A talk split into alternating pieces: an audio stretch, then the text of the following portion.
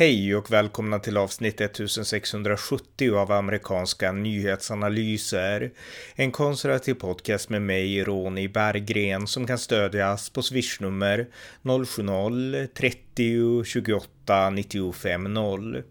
De senaste dagarna har många saker hänt i förhållande till den ryska aggressionen i Ukraina. Hundratusentals ryssar har mot sin vilja kallats in till militärtjänstgöring. I östra Ukraina har ryska soldater tvingat människor att rösta för att ansluta sig till Ryssland. Därtill har Putin återigen hotat väst med kärnvapen. Här samtalar jag om de senaste dagarnas utveckling tillsammans med journalisten Pelle Zackrisson. Varmt välkomna! Pelle Zackrisson, välkommen! Tackar! Vi ska prata om den senaste utvecklingen i dels i Ryssland och dels i Ukraina. Och eh, vi kan börja i Ukraina, därför att det är så här att nu de senaste dagarna har det hållits ett, eh, jag tänkte säga ett val, men det är ett falskt, ett fejkat val som, som ryssarna hållit i. Där de här olika... Folk, folkomröstning. Ja, folkomröstning, exakt, referendum. Där de här olika regionerna i östra Ukraina, Kherson, eh, Zaporizjzja och eh, det som då kallas från rysk sida Donetsk, Folkrepubliken Donetsk och Folkrepubliken Luhansk. De har röstat om att ansluta sig till Ryssland och föga oväntat så har mellan 97 och 98 procent av de röster som är räknade röstat för att ansluta sig till Ryssland. Och eh, det bör vara tydligt så här från början att det här är falskt rakt igenom. Eh, ryska soldater knackade på dörrarna, hade ett gevär i en hand och sa rösta ungefär. Sen skrev de upp vad folk röstade. Och jag har hört om olika straffåtgärder åt de som tyckte fel. Så att helt, liksom ett helt illegitimt val. Ja, jag tror också att jag har sett bilder. Ja, jag har sett bilder från val, de här uh, vallokalerna som har sett helt bizarra ut. Uh, det har liksom någon form av valhemlighet uh, har ju naturligtvis inte varit frågan om och nej, det här är, det är bara hittepå. Det är rent, det är strunt. Dessutom annons, annonserade man det här bara ett par dagar innan. Mm. Så att, ja, nej, nej, det här är ju rent trams liksom. Mm. Men det görs ju av en orsak och orsaken är att Putin är desperat nu. Det går otroligt dåligt i Ukraina. Eh, ryssarna är på reträtt och Ukraina avancerar snabbt framåt. Och eh, det är det som har fått Ryssland dels att eh, göra den här, eller fått Putin rättare sagt, att göra den här, beordra den här massmobiliseringen. Där man ska få in 300 000 soldater eller någonting. Ja, alltså vi kan ju prata lite grann om det. Han har ju gjort en han har ju gjort en, beordrat en partiell mobilisering.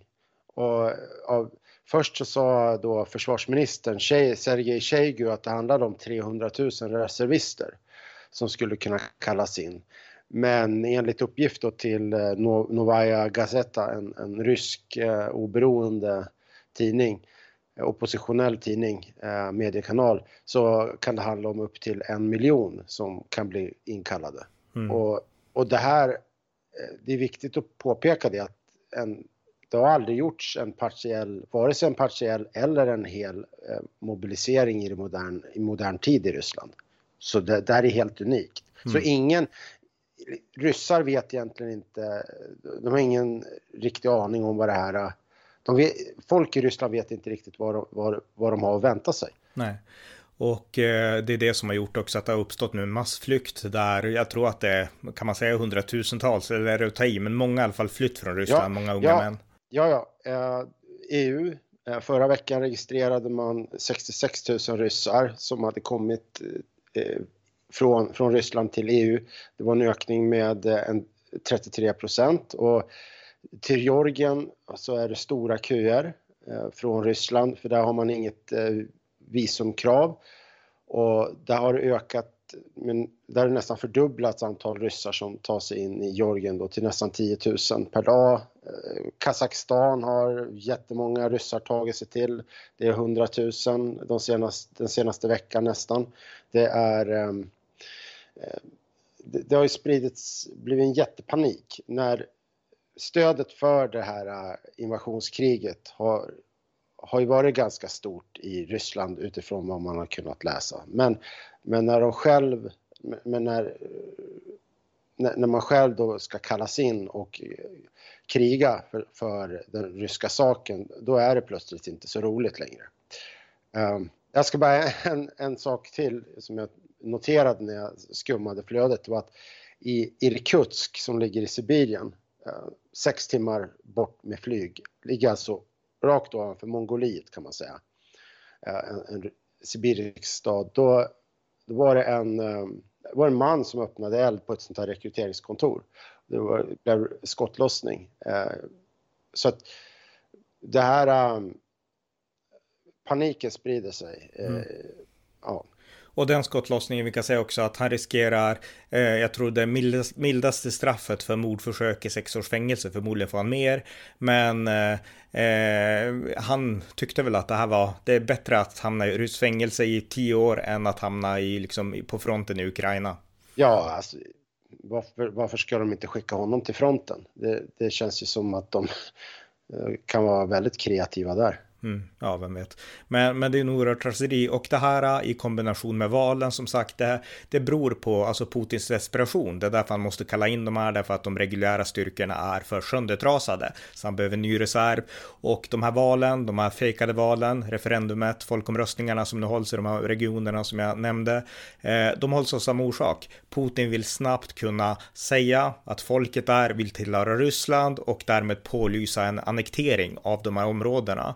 Och eh, man bedömer att han kanske kommer att hålla tal, i, kanske på fredag, där han säger att nu tillhör det här Ryssland. Och varför har han så, så bråttom att göra det? Jo, det beror dels på att, som jag sa, att Ukraina avancerar snabbt och tar tillbaks mark väldigt fort. Men det innebär också att om det här tillhör det ryska moderlandet, och det gör ju inte det på riktigt, om men i Putins egen värld, då ger det honom rätt att använda kärnvapen. Därför att Ryssland har en försvarspolitisk doktrin som säger att om moderlandet, alltså Ryssland, blir attackerat, då kan man använda kärnvapen.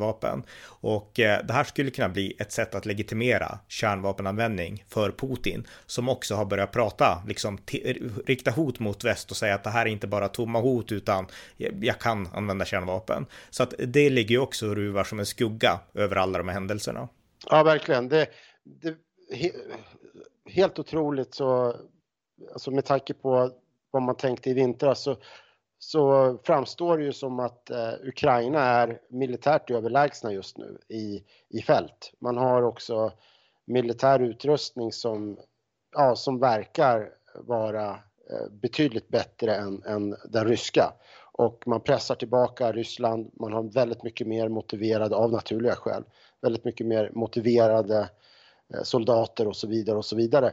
Och eh, då, ja, om, om då Ryssland blir, hamnar i en situation där man inte kan besegra eh, i traditionell krigföring, då den här röda linjen då som man brukar beskriva det som, om man då sätter upp den eh, vid de här eh, områdena och säger om det här är Ryssland, ja precis som du säger, då, då eskalerar eh, Putin det här till den nivån att han Eh, bara kan hota väst, väst med eh, att ja, nu, nu blir det kärn, kärnvapen om ni fortsätter att stötta Ukraina. För mm. det, är ju, det är ju det som är målet, det är ju att få eh, väst att avbryta allt, allt stöd till Ukraina. Mm.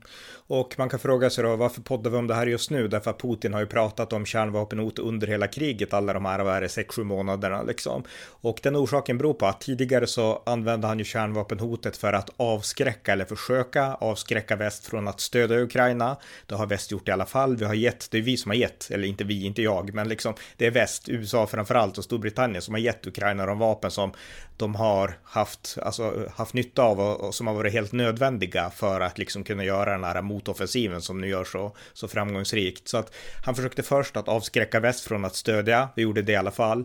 Men nu så är det ju mer än, alltså nu handlar det ju mer om desperation. Det här blir Putins sista halmstrå, därför att konventionellt så förlorar han ju, han får ju storstryk på slagfältet där i Ukraina nu. Och eh, jag menar antingen så, han har inga val, alltså antingen så liksom lägger han svansen mellan benen eller så liksom använder han kärnvapen. Det är lite där, det är lite det som gör det här till en ny situation. Ja, och då är ju frågan hur ska man hantera det här då? Mm. Vi kan väl börja med att, om jag frågar dig vad, jag såg du skrev ett inlägg på din Facebook tidigare idag. Vad, är vad, har, vad har vi i väst gjort fel fram tills idag? Eh, ja, nej men det jag skrev det var att, alltså nu vet vi ju inte vad som kommer att hända än, men jag tycker att det här är det mest skarpa läget för kärnvapenanvändning som vi har sett. Även Zelensky intervjuades igår, han trodde också att nu är det inte längre tomma hot, utan Putin kan komma att använda taktiska kärnvapen. Och det jag skrev på mitt Facebook-inlägg, det var ju att eh, eh, det fel väst har gjort, om det nu skulle visa sig att Putin använder kärnvapen, det är att vi inte var ännu tuffare där i början. Därför att Putin gick ju in i Ukraina med tanken på att jag ska erövra Ukraina på tre dagar och eh, vi såg hur stridsvagnarna fastnade i leran där i liksom nordvästra Ukraina och det gick inte alls som det gick. Men väst var ändå väldigt veliga. Vi var rädda för att ge stöd, vi var rädda för att provocera Putin och det gjorde att han kunde skicka in mer och mer. Hade vi slagit till stenhårt i början och bara sagt det här är oacceptabelt komfortabelt, gjort ett snabbt anfall, då hade han kunnat dra sig tillbaka och tänka att eh, oj, det här var inte den reaktion jag hade räknat med. Och sen hade saker inte varit så oförändrade. Den ryska ekonomin hade fortsatt, han hade fortsatt få in oljepengar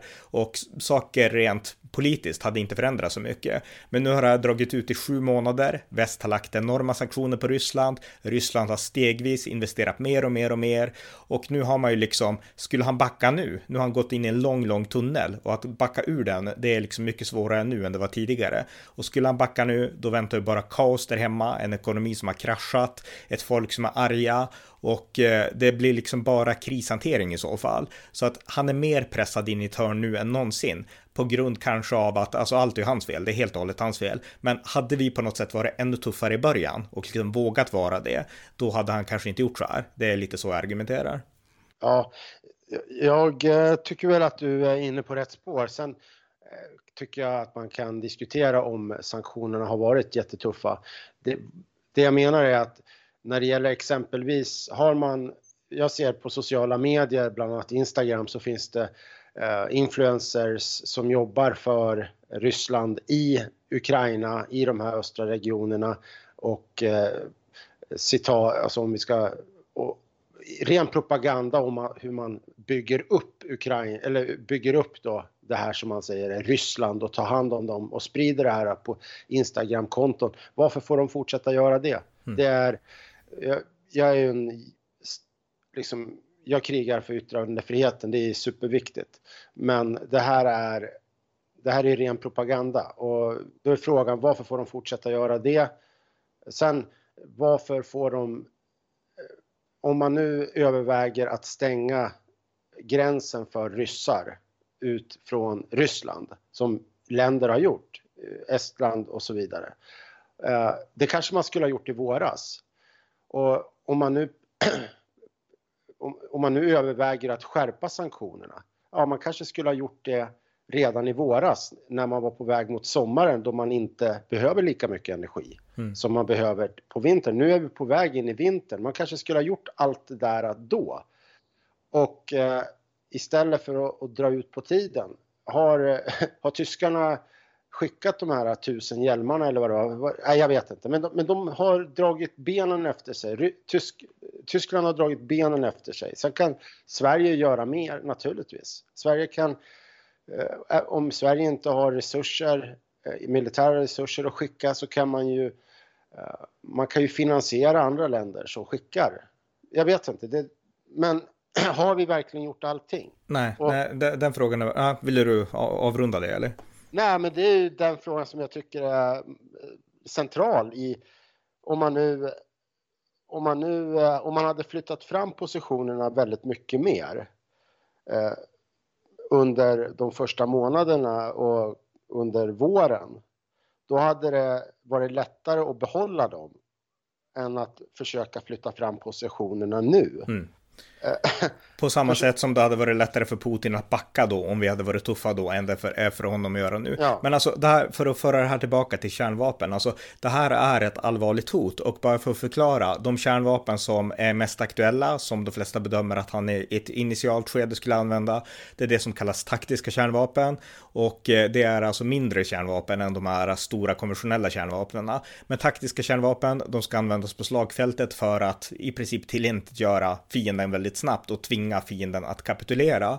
Och det är så här att eh, det går inte att kriga mot kärnvapen. Om ett land har kärnvapen och ett annat land inte har kärnvapen, då vinner det land som har kärnvapen. Det är inte svårare än så. Det finns inga vapen som kan bita mot kärnvapen och, och sådär. Så att skulle han fälla eh, liksom ett taktiskt kärnvapen i Ukraina eller några sådana, då skulle Ukraina ställas inför ett alternativ, för då skulle kriget inte längre kunna bedrivas av Ukraina, för de har inget att sätta emot taktiska kärnvapen. Så att då skulle Putin kunna kräva antingen så kapitulerar ni och lyder våra villkor, eller så spränger vi ett vapen till. Och då har man inget annat alternativ än att kapitulera. Det lärde sig Japan bittert under andra världskriget. USA gjorde så, alltså Japan kunde inte sätta något emot ett kärnvapen. Så att det som händer då om man skulle använda det, då måste väst på ett eller annat sätt agera väldigt hårt och väldigt bestämt. Och skulle han använda taktiska kärnvapen så kommer väst att bli indragna och det är det som är liksom, ja, upptrappning två i det här om det skulle ske. Ja, eh, nu är det ju nu är det ju väldigt sent och man har, väst har ju in, inte någon fredsbevarande styrka eller något liknande i östra Ukraina. Man har ingen, man har inte upprättat en eh, flygzon över Ukraina. Man har inte gjort det här som hade kunnat varit ett, vad ska vi säga, ett av, vad kallas det för någonting? Det finns ett, eh, ett engelskt uttryck för det här, ett avskräckande ehm, um, deterrence, typ. Deterrence, precis. Deterrence, den här klassiska deterrence-politiken som rådde under 80-talet. Och, och det, det, finns inte där nu. Nej, samtidigt så, vi ska ändå säga att USA har och NATO har konvention, eh, alltså vi har flygplan, vi har sådana saker som gör att vi kan lätt besegra alla ryska styrkor i Ukraina hur lätt som helst. Och jag tänkte spela ett klipp här av Joe Bidens National Security Advisor, Jake Sullivan, han intervjuades på CBS Face the Nation i söndags och han fick då en fråga om dels om valen, de här riggade valen, fejkade valen och eh, dels om eh, kärnvapenhotet. Här är det klippet med Jake Sullivan. We have been crystal clear uh, up to and including President Biden, that we will not recognize these sham referenda. They in no way represent the will of the Ukrainian people. And we will treat this territory for what it is Ukrainian territory, not Russian territory. And we will continue to support the Ukrainians as they seek to deoccupy this territory. So we've been clear. We're not going to stop or slow down our support to the Ukrainians, no matter what Putin tries to do with these, these fake elections and fake referenda and annexation. Now, when it comes to the question of nuclear use, uh, President Putin's been waving around the nuclear card at various points through this conflict. The last few days are not the first time. But he and hasn't been as cornered as he is now. It's true, and, and it is a matter that we have to take deadly seriously because it is a matter of paramount seriousness the possible use of nuclear weapons for the first time since the Second World War. We have communicated directly, privately, at very high levels to the Kremlin that any use of nuclear weapons will be met with catastrophic consequences for Russia, that the United States and our allies will respond decisively, and we have been clear and specific about what that will entail. We have, in public, been equally clear as a matter of principle that the United States will respond decisively if Russia uses nuclear weapons, and that we will continue to support Ukraine in its efforts uh, to defend its country and defend its democracy. Det var alltså Jake Sullivan och han var ju väldigt tydlig då med att USA har varnat Ryssland väldigt bestämt om att ni kommer att möta enorma konsekvenser om ni använder kärnvapen. Jag tycker ändå att det är bra att USA, för det är bara USA som kan liksom ge svar på tal om det skulle bli en verklighet tyvärr. Men eh, han, eh, det är ändå bra att han är så tydlig tycker jag. Ja, det återstår ju att se hur pass effektivt det är. Jag tror att det, det USA jag är ju ingen militärexpert så, men det USA historiskt har gjort när man har, när man har pratat tufft, det är ju eh, det är ju att man har flyttat fram exempelvis, eh, man har, man har flyttat fram robotar och så vidare i, i NATO-länder. Efter att man har sagt eh, att, ja, men att man har kommit med den här typen av avskräckande hot mot olika exempelvis mot Sovjet på 80-talet, då har man ju eh, gjort vissa justeringar bara för att visa sin makt. Och det, jag tror att det blir, eh, att bara prata, det, kom, det räcker inte tyvärr i det här läget. Nej, ja, alltså jag tror ju som, jag, jag, är nästan säker på att USA har militära planer redo för en sån här situation. Men däremot, alltså skulle det bli så att det blir en konflikt mellan Ryssland och, eh, eh, ja, och väst då i sådana fall i en sån här krigssituation, eh, vilket skulle initieras om Putin använder taktiska kärnvapen. Då finns ju de strategiska kärnvapnen också, där Ryssland har mest i världen, sen kommer USA med liksom strax därefter. Men det är alltså kärnvapen som lätt kan tillintetgöra hela Europa, alltså kärnvapen som är många gånger starkare än den som USA sprängde i Hiroshima och Nagasaki. Och eh, alltså den här hotet om det totala kärnvapenkriget, det är liksom, det ruvar där bakom. Sen tror inte jag kanske att det blir liksom en realitet, men skulle Putin använda taktiska kärnvapen, då blir det nästa steg. Och det är det som ändå är väldigt oroväckande i det här. Ja, eh, man kan ju fundera lite grann så här. Vad skulle John Bolton ha gjort i det här läget? John Bolton är den gamle säker, nationella säkerhetsrådgivaren som ansågs vara en, eh, ja, många svenska vänsterliberala journalister eh, tyckte att han var helt galen ända tills han började dissa eh, Donald Trump. Då blev han ju plötsligt eh, väldigt populär. Han hade varit tuffare i tidigare skede, tror jag. Alltså, Absolut. Mm. Han, hade, han hade kört fram amerikanska tanks till ryska gränsen i Ukraina. Ja. och det är inget, jag bara skämtar halvt. Jag tror det hade varit fullt möjligt. Mm. Bolton var Bolton har en extremt tuff policy när det gäller det där. Ja, och det hade avskräckt en mm. fortsatt konflikt snarare än bjuda in den som situationen är nu. Men, mm. men, men det här, vi, om vi mm. ska prata om några saker till också. Ja. Ja, det här visar ändå, tycker jag, dels, eh, vi ska komma in på ett, en, en händelse som hänt idag redan, alltså, eller i natt eller när det var. Men, men först en sak, alltså valet, vårt svenska riksdagsval. Vi pratade ju nästan inget om Ryssland då, utan vi pratade mycket om det i våras, i somras, men när det väl vart valtider så inte ett prat om skyddsrum, inte ett prat om någonting sånt, utan det var bara inrikespolitik i princip. Och eh, det här visar verkligen det som hänt nu de här senaste dagarna att vi kan inte släppa utrikespolitiken. För vad som än händer där kommer att påverka oss också. Håller du med ja, men, om det? Ja, men jag skulle säga så här att det fanns en ganska stor enighet i svensk, bland svenska partier om om eh, utrikespolitiken och det gjorde att det eh, alltså fast en stor, majori, en stor majoritet stod bakom anslutningen till NATO mm. och eh, stö, stödet för Ukraina.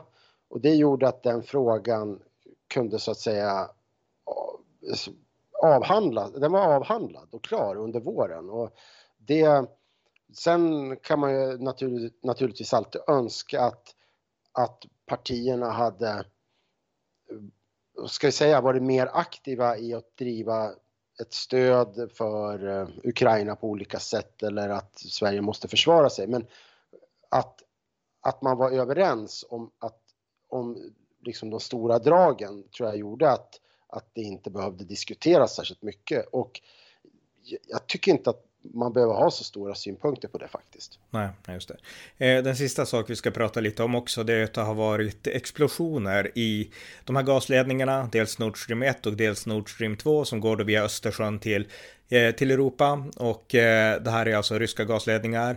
Och Ja, mycket tyder på att det här har varit sabotage och det finns saker som gör det logiskt att det skulle kunna vara Ryssland som ligger bakom det här. Har du läst något om det här?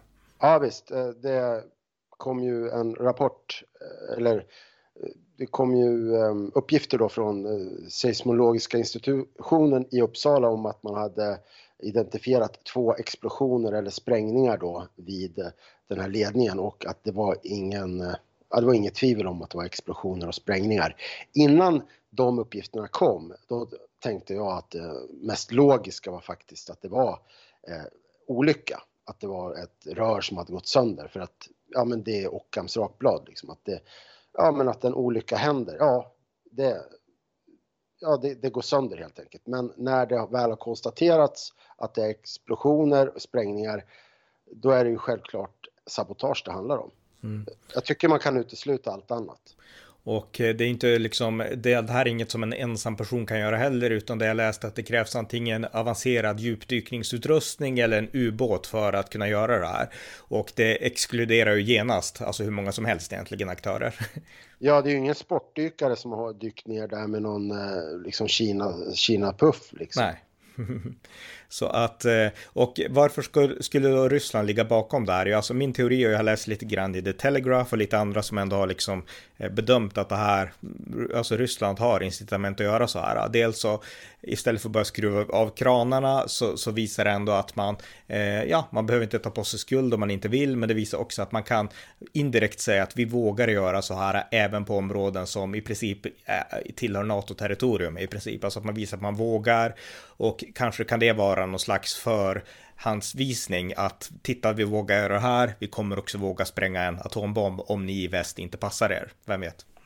Ja, jag tror att det kan vara att eh, en lite för avancerad tolkning. Jag tror att det helt enkelt kan handla om den, det här, den eh, stora lögnen, att man hela tiden sprider en lögn för att, så att det blir en officiell version, att det var ett, att vi har inte gjort det, utan det var, det är väst som har saboterat det, det är kanske till och med USA som har gjort det mm. och, eh, och sen kan man liksom spinna det där inom landet och man när man förnekar det i sten, trots att alla vet att det är Ryssland som ligger bakom det. Så jag tror att det är en mer rimlig förklaring, att det är, det är inte svårare än så egentligen. Det är mer en, vad ska vi säga, en traditionell, liksom ett traditionellt spinn. Mm. Eh, det här skedde ju, alltså, det var väl inte i svenska vatten där skedde, för liksom pipelinen går inte på svenskt territorium, men det var ändå vi som, alltså det var väldigt nära oss, det var det, det dit jag vill komma här, och så där hände ändå väldigt nära den svenska gränsen, så jag menar, det som händer ute i Europa, om vi säger så, det ligger ganska nära Sverige också. Mm, mm. Ja, det, det är ju vårt närområde, det gör ju att situationen kring, kring Ryssland och Ukraina, eller ja, Ryssland aktualiseras. Är det här äh, skulle det gå att spinna det här till att äh, det, ja, men det är Svensk, Sverige, som, Sverige som har så mycket energi som har äh, saboterat och att, det, att Sverige då skulle vara en, en måltavla. Det, det, där är ju väldigt lång, långsökt och, och, jag tror inte att det kommer något sånt. Men, men jag menar liksom det, det ligger, Sverige ligger precis i det här. Mm. Vi, vi, är inte liksom ett vi är inte en halv kontinent borta från någon konflikt. Nej, och det är väldigt viktigt att vi förstår det så att vi liksom inte glömmer det här och inte liksom, vi får inte förlora våran va vaksamhet nu. Eh, en sista sak jag tänkte på också det är att när Putin gör så här, när han försöker massmobilisera och liknande, då vill han ju ändå imitera det Ryssland gjorde under andra världskriget, när man mobiliserade hela befolkningen för att liksom kämpa. Och det han kalkylerar med, det är ju att vi i väst på något sätt ska bli trötta, eh, för hans inställning det är att ryssarna kan äta gräs om det krävs och sen bara kämpa till sista blodsdroppen. Alltså det är ju hans egen bild av liksom sina fantasier där han blandar andra världskriget med nutiden liksom. Och som vi har sett på alla som flyr så är ryssarna inte det minsta intresserade av det liksom. Men, men det är ändå så han liksom föreställer sig sitt folk som han leder. Och han räknar då med och kalkylerar att vi i väst, vi har inte den mentaliteten, utan stänger han bara av gasen eller saboterar Nord Stream, då kommer vi att frysa i vinter och i takt, med, i takt med att vi fryser så kommer vi inse att vi är inte beredda att göra samma upp uppoffringar som hans heroiska ryska folk och då ge upp Ukraina och liksom låta honom göra lite det han vill. Det är ju lite det som är hans baktanke i de här sakerna han gör. Och därför, inte minst, så är det ju högsta vikt att väst inte ger upp utan att vi inser att Europa är i krig. Även om vi i Sverige kanske inte påverkas så här direkt just nu, så vi måste ändå ha den inställningen. Därför att annars så, liksom, det här är ju en, kamp mellan viljorna och annars så vinner så Putins vilja. När man ser att vissa länder stänger av sina kärnkraftverk som Belgien och Tyskland fortsätter att planera för att stänga ner sitt kärnkraftverk så kan man ju fundera på hur pass, eh, eh ja men hur viljan att, eh, eller insikten i, i, i den här frågan som du, som du nyss eh, tog upp. Mm. Ja, precis. Och det här visar ju liksom att vi behöver ledarskap som har insikten att förstå det här hotet och liksom ta situationen på allvar och inte bara liksom rulla vidare i samma hjulspår, utan det här är någonting, vi måste inse att det här är en konflikt som vi befinner oss i, oavsett om vi är direkt engagerade eller inte, och visa för Putin att vi är uthålliga och mer uthålliga än han är. Så att jag tänker att vi kan väl avrunda det här poddavsnittet så. Ja, bara en sista sak, det är ju att man får inte glömma bort att det här äh, hotet om kärnvapen, det har ju kommit ur en svaghet. Mm. Att det är på grund av att äh, Ryssland av, de, av alla militära bedömare anses vara eh, svagt och att man har en svag position, att det är därför man gör det och det ingjuter ju ändå hopp. Och att man får inte, man får inte tänka att, att nu, nu är det på väg att gå åt helvete utan jag tror att man måste komma ihåg att i grunden så är, är Putin och den ryska regimen tillbakapressade och det gäller bara att hantera det på ett bra och klokt ansvarsfullt sätt. Då kanske det här, då kommer det kunna hanteras bra tror jag. Mm, mycket bra poäng. Eh, med det sagt så tack så mycket för det här samtalet. Tack. Ni har lyssnat till amerikanska nyhetsanalyser, en podcast som finns för att ge ett konservativt perspektiv på världen. Stöd gärna podden, antingen på swishnummer 070-30 28 95 0 eller via hemsidan usapool.blogspot.com på Paypal, Patreon eller bankkonto. Skänk också gärna slant till valfri Ukraina-hjälp. Tack för att ni har lyssnat.